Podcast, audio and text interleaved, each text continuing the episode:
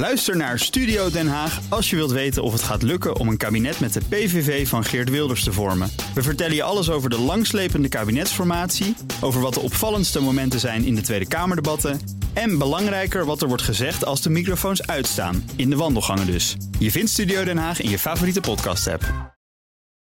Auto-update. We gaan naar Nout Broekhoff van de Nationale Autoshow. Nout, goedemorgen. Dag Bas.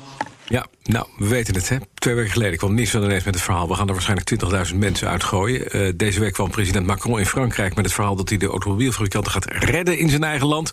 En nu komt Renault met een transformatieplan. Ja, je kan beter zeggen, het is een bezuinigingsplan, hè? Vertel. Ja, Renault gaat eh, flink uh, kosten snijden, wegsnijden. Uh, binnen drie jaar wil het bedrijf structureel 2 miljard euro besparen. Dat is zojuist aangekondigd in het transformatieplan. er verdwijnen wereldwijd 14.600 banen, waarvan 4.600 in Frankrijk. grofweg zijn er wereldwijd 180.000 banen. Dus toch wel aardig wat mensen die moeten vertrekken. En ze willen ja, ook op andere manieren kosten gaan besparen... door bijvoorbeeld beter samen te werken hè, binnen die alliantie met Nissan en Mitsubishi. De productie wordt geoptimaliseerd, staat in het plan. Uh, het moet allemaal een stuk efficiënter. Uh, ze gaan meer onderdelen delen. Renault gaat zich meer richten op Europa en uh, de andere merken meer op Azië en Amerika. Nou, zo willen ze dat een beetje stroomlijnen. En dan is er nog de productiecapaciteit bij Renault. ze gaan gewoonweg minder auto's bouwen. Er gaan fabrieken dicht. Welke dat zijn, dat wordt nog niet gezegd. afgelopen jaar bouwde Renault 4 miljoen auto's. Dat loopt de komende jaren tot 2024 terug naar 3,3 miljoen. Dus 700.000 auto's gaan ze minder bouwen mhm. binnen vier jaar. Kortom, ja, best een flink pakket. Er gaan uh, redelijk wat mensen uit, maar er is toch nog een hoop niet helder. Hè? Gaan er modellen verdwijnen? Gaat Alpine de nek omgedraaid worden? Uh, wat gebeurt er met de Franse fabrieken? Hè? Ja. Vorige week hadden we het in de auto-update over uh, de, de Franse staat, aandeelhouder in Renault, 15 procent. Um, ja, die Franse fabrieken, dat is werkgelegenheid. Uh, er gaan 4600 banen geschrapt worden.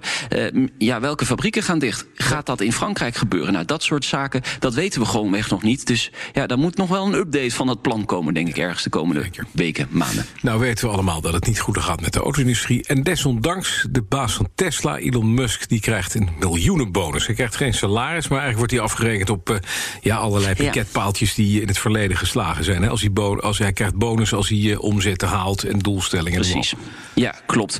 Ja. Um, ja, en de timing is dan gewoon niet goed op dit moment. Hè? Nee. Coronacrisis, uh, fabrieken liggen stil, ze proberen we op te starten. Het gaat niet zo goed met de verkoop. En Elon Musk die gaat gewoon cashen. Um, hij heeft er gewoon recht op, wat jij ook zegt. Hij heeft bepaalde doelstellingen hè, behaald op het gebied van omzet, op het gebied van bedrijfsresultaten. Nou, hij kan 1,7 miljoen aandelen van Tesla kopen voor 350 dollar per stuk. Uh, even gekeken, de, de koers stond zo rond 800 dollar gisteravond laat. Betekent dus dat hij 770 miljoen dollar kan opstrijken uh, voor deze bonus. Maar goed, jij zegt ook al, hij krijgt in principe geen salaris. Hij hoeft ook niet op een houtje te bijten natuurlijk, Elon Musk. Dus ik ben benieuwd, gaat hij dit doen of niet? Het zou een mooi gebaar zijn om er voor nu van af te zien, hè? Hm, absoluut, ja. Dat zou netjes zijn. Maar ja, misschien dat, dat hij het weggeeft of niet. Uh, ja, nou ja, oké. Okay. Mercedes ja, of hij steekt het geld in, in, in, de, in, de, in, de, in de raket. Ja. Hij gaat het in de raket steken weer, hè? Dat, dat zou ook kunnen natuurlijk. Dat hij dan uh, gewoon fysiek en dat hij het ook gewoon afschiet, het geld. Dat zou handig zijn. Ja, dat zou mooi zijn.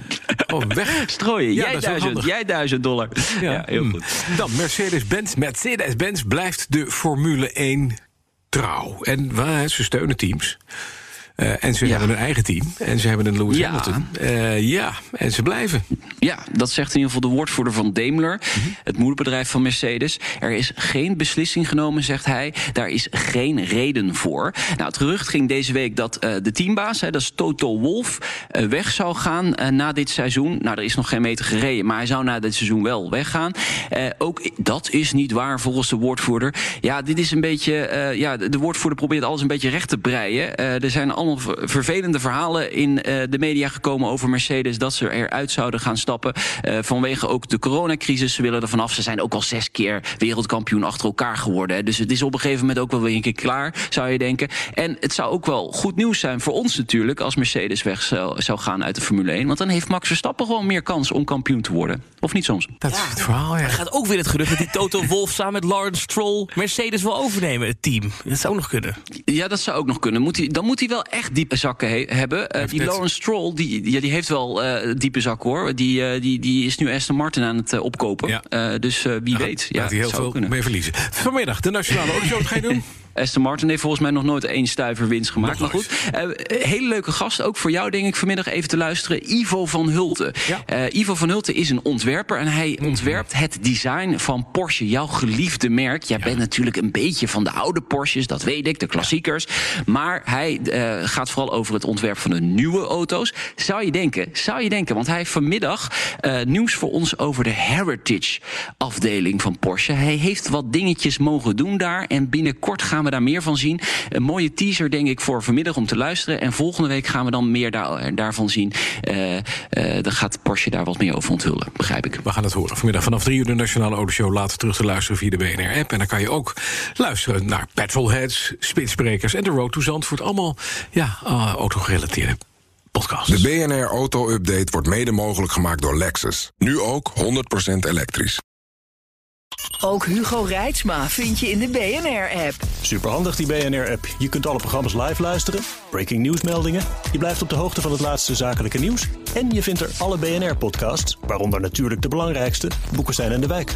Download nu de gratis BNR-app en blijf scherp.